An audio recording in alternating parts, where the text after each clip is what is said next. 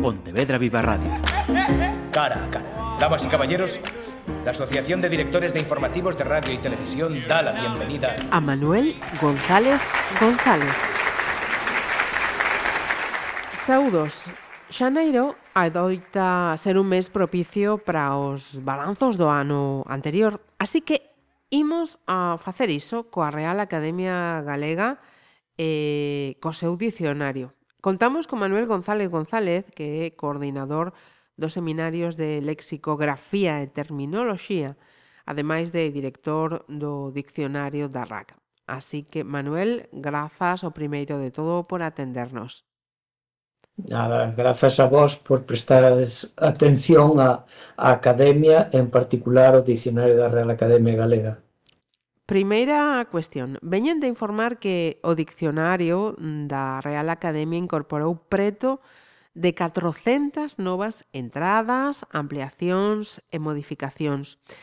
Todo este traballo como se fai? Recompílase durante o ano e a súa finalización eh, e cando se incorpora ou é algo progresivo ao longo dos meses? Sí, sí, eh, vamos, o dicionario é unha obra infieri, é dicir, que se está eh, construindo constantemente, eh, de maneira continuada, un ano tras outro, e durante todos os meses se están incorporando palabras novas, algunhas tamén se suprimen, e modifícanse tamén novas acepcións de, de palabras xa incorporadas ao, ao dicionario da Academia. Isto por unha razón moi sinxela, porque o dicionario ten que obedecer ás necesidades de comunicación que ten a sociedade e as sociedades cambian, e cambian todos os días. Todos os días aparecen obxetos novos, aparecen conceptos novos, conceptos científicos, conceptos de, eh, de creacións de, de todo tipo que é necesario denominar.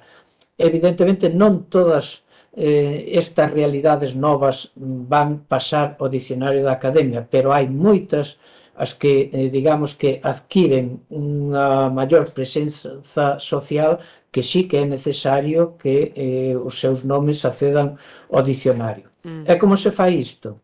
Pois isto faise de maneiras moi distintas.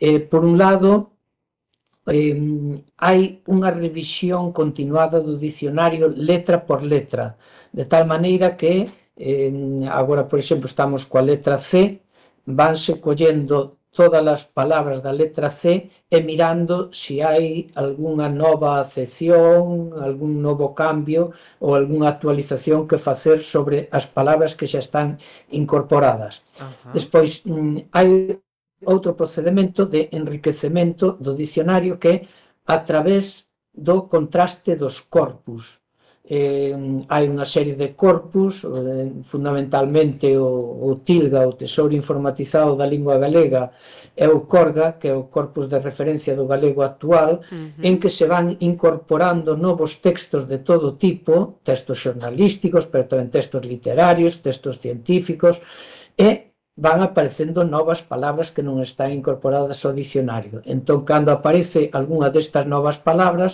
O Seminario de Lexicografía estuda se é conveniente ou non incorporalas a, ao seu dicionario.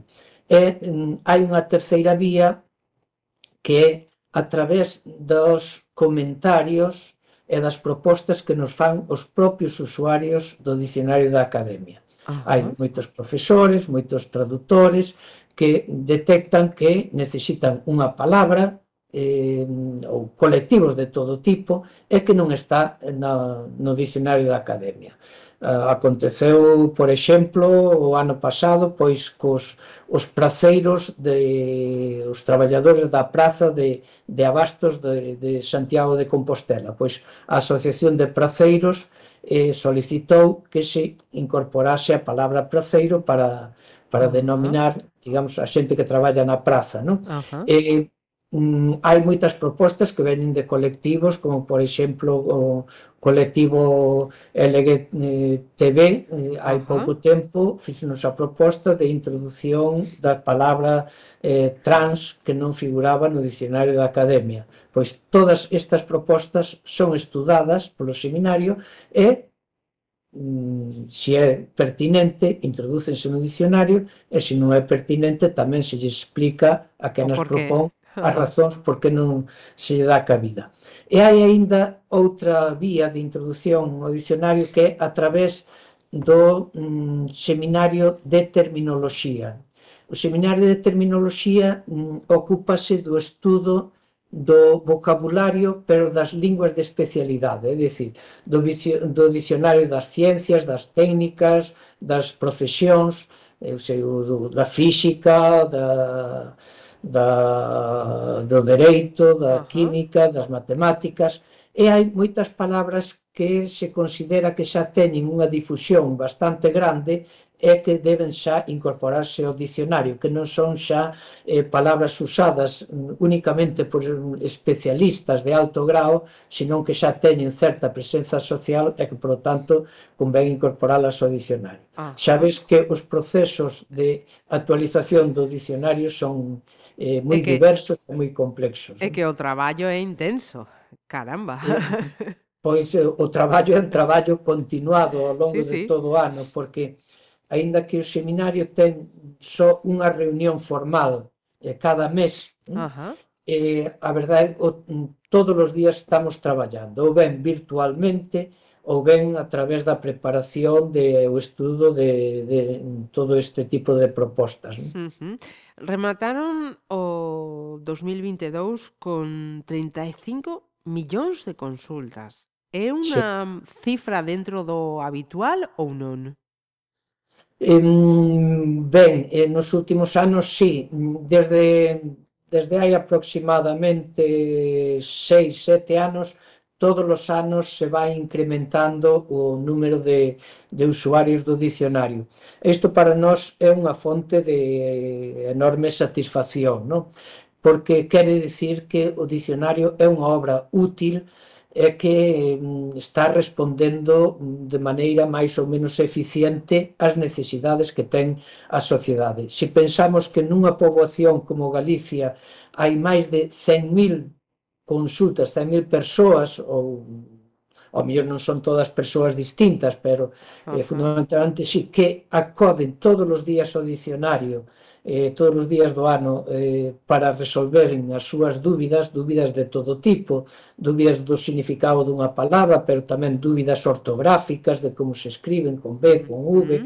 con H, sen H, eh, pois a verdade é que isto non deixa de producirnos unha enorme satisfacción. Ajá. E, e, esa cifra pode considerarse un dato mm, significativo sobre o uso da lingua galega? Mm, bueno, sí Vaya. e non. sí. sí e non. Eh, vamos a ver, isto que nos quere decir é que o galego ten certa mm, eh, bastante presenza formal. Uh -huh. Pero isto non quere dicir que mm, a lingua da rúa, a lingua habitual de instalación sexa o galego, non? Uh -huh. eh, non nos podemos levar a engano porque home, mm, é verdade que canto máis se escriba en galego mm, é indicio de que mm, ten un maior uso, pero pero non significa eh, un maior eh, número de consultas do dicionario eh, un incremento paralelo, digamos, ou, ou semellante do uso ah. da lingua galega como lingua de comunicación social. Uh eh, -huh. Uh, o diccionario na web da Real Academia ofrece unha canle de comunicación entre a entidade e os uh, usuarios, os, os cidadáns que Que demandas, eh, suxestións eh, son máis frecuentes? Ben, hai, hai suxestións eh, e consultas de todo tipo, non? Ademais, eh, eh, moita xente mm, non distingue moi ben as consultas lingüísticas as que corresponden ao léxico das que corresponden a, a, a outro tipo da, eh, da parte de gramática ou de outro tipo da lingüística, non? Uh -huh. Entón, eh, digamos, no dicionario recibimos eh, consultas lingüísticas de todo tipo, uh -huh. pero, bueno, a maior parte, eh, claro que son referidas ao, ao, ao léxico uh -huh. e proceden eh, de maneira mm, moi frecuente de profesores mm, de profesores de todos os niveis do ensino, uh -huh eh, eh, e tamén moitísimas, quizáis o número maioritario sexa de tradutores. -huh. Os, os tradutores atópanse pois eh, no seu traballo diario pois con moitas dificultades de como dicir unha palabra do do inglés ou do francés en galego, entón eh, hai moitas consultas do dicionario da Academia eh, Mm, referidas procedentes deste ámbito, non? Uh -huh. E eh, claro, eh facendo traducións, pois detéctanse tamén necesidades e valeiros léxicos que ten o galego, porque o galego eh foi unha lingua que estivo durante moitos séculos, digamos, ausente dos ámbitos máis formais da da comunicación. Uh -huh. Por lo tanto, non xerou de maneira natural, digamos, o léxico para dar resposta a esas realidades que normalmente non se expresaban eh, en galego, senón que se expresaban a través do castelán ou, ou, ou de outra lingua. Non? Uh -huh. eh, polo tanto, eh, todas estes baleiros que detectan os traductores, os profesores, eh, eh, normalmente eh, son mm, suxestións que nos chegan diariamente a, á academia. Ajá. Uh -huh. Eh, falou antes de, de algúns deses eh, exemplos eh, das eh, entradas, ampliacións, modificacións eh, feitas. Falou de, de trans e cis, que son dúas desas ah, palabras que eh, xa están incorporadas como acepcións de cisxénero e transxénero. Tamén lin deporte electrónico, alfábega, alfarroba, e chamoume a atención antropoceno. que pasou co antropoceno? Ben, pois é unha unha unha idade, non, que que bueno, tradicionalmente non eh, non non, non existía, digamos, uh -huh. esta necesidade social, pero que nos últimos anos o antropoceno está está moi eh, moi de moda e moi vixente, por iso se considerou que era xa o momento de, de incorporalo a, ao ah, dicionario da, da Real Academia, da Real Academia Galega. ¿no? Ah, ah. Sí. Tamén mm. outras novidades eh, como idadismo e, e idadista en referencia a, a discriminación eh, eh, por idade. E outra cosa, Manuel, penso... Sí, sí, son, sí. Eh, vamos, hai, hai moitos conceptos que mm, son mm, realidades sociais eh, moi recentes, uh -huh. non? Eh, de aí que mm, non estivera no dicionario porque hai 20 anos o idadismo, pois non había a conciencia social, digamos, da, da marxinación que sofren os, as persoas de idade, eh, ese estado de soidade que, que tantos, tantas persoas da terceira idade eh, sofren neste, neste momento, uh -huh. e polo tanto non había, digamos, eh, ningún, ningún movimento social, eh, eh, como hai neste momento é eh, que hai grupos eh, moi concienciados preocupados polo idadismo non? Uh -huh. eh, penso eh, é eh, unha, unha opinión miña eh, que a sociedade abusa dos estranxerismos cando sexa castelano ou galego eh, temos palabras propias como resposta a academia neste asunto?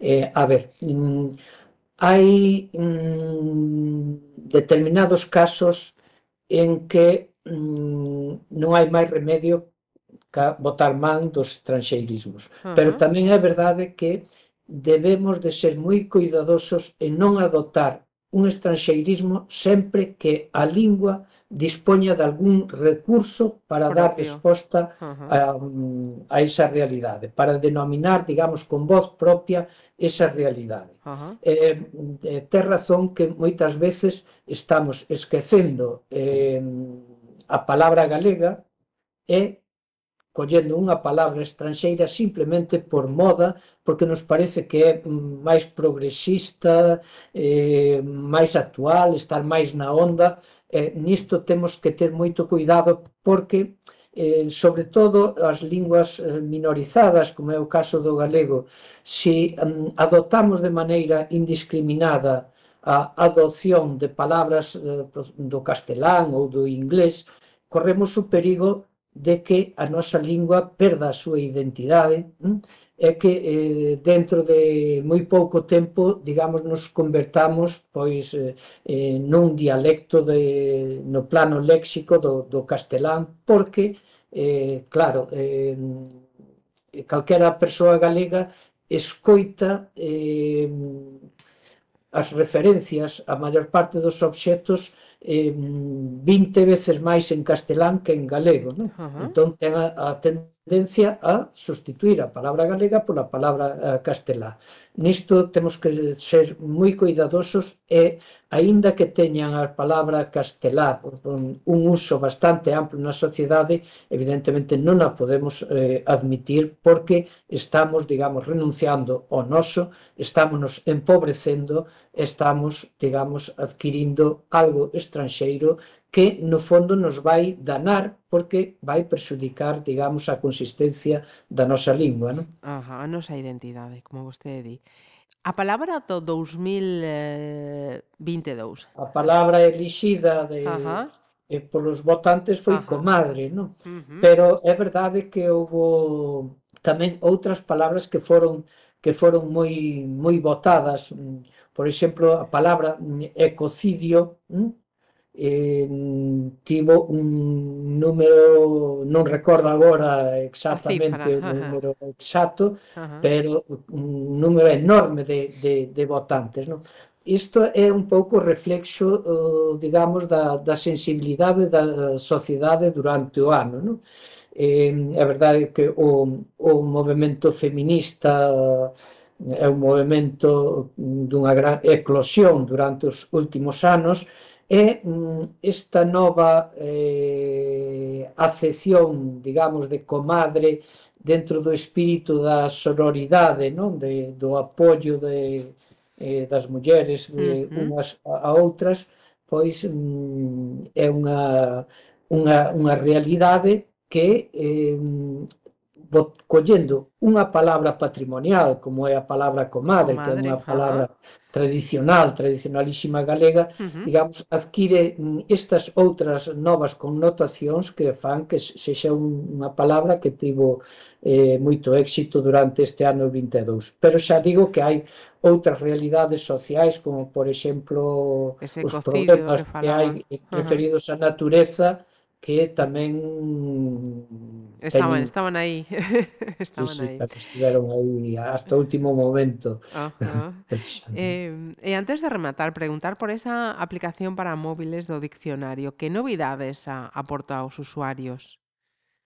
A ver, em, em, en, unha aplicación para móviles do, do dicionario existía xa desde hai bastante tempo, non? Uh -huh pero era unha, unha versión que mm, en primeiro lugar non permitía eh, facer todo tipo de buscas como o, como aplicación en rede, uh -huh. agora uh, xa a nova versión xa xa o permite, pero sobre todo era unha versión antiga que mm, tiña moitas dificultades para a actualización. Uh -huh porque non se podía actualizar de maneira eh, permanente. Non? De feito, había moitas palabras entre os usuarios que tiñan a aplicación para móviles, tanto a de Android como a de iOS, eh, que moitas das palabras non aparecían, que estaban no dicionario da Real Academia Galega, pero non aparecían